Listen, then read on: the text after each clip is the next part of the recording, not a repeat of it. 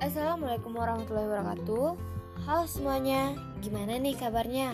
Semoga sehat selalu ya Oh ya, udah pada bersyukur nggak buat hari ini? Kalau belum, bersyukur dulu deh Biar nikmat hidupnya nambah Karena ini podcast pertama aku Aku bakal kenalan diri aku dulu deh Halo, aku Diana Andrea Fitri.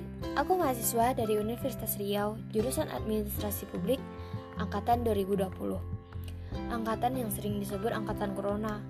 Mana nih yang lulusan pas COVID-19? Oke, di podcast kali ini aku bakal ngebahas tentang wacana penghapusan mata kuliah Pancasila di perguruan tinggi. Sesuai dengan peraturan pemerintah nomor 57 tahun 2021 tentang standar nasional pendidikan yang diundangkan pada 31 Maret 2021. Dengan dikeluarkannya peraturan pemerintahan tersebut, Pemerintahan telah menghapus Pancasila sebagai pelajaran atau mata kuliah wajib di perguruan tinggi.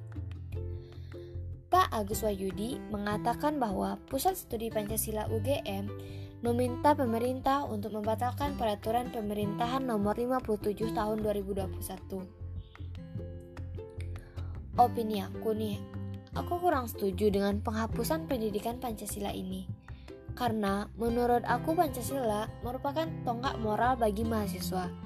Dengan dihapuskannya pendidikan Pancasila sama saja dengan penghapusan pendidikan moral kepada mahasiswa. Akibatnya, moral mahasiswa bisa menyimpang dari azas-azas atau butir-butir yang ada dalam Pancasila.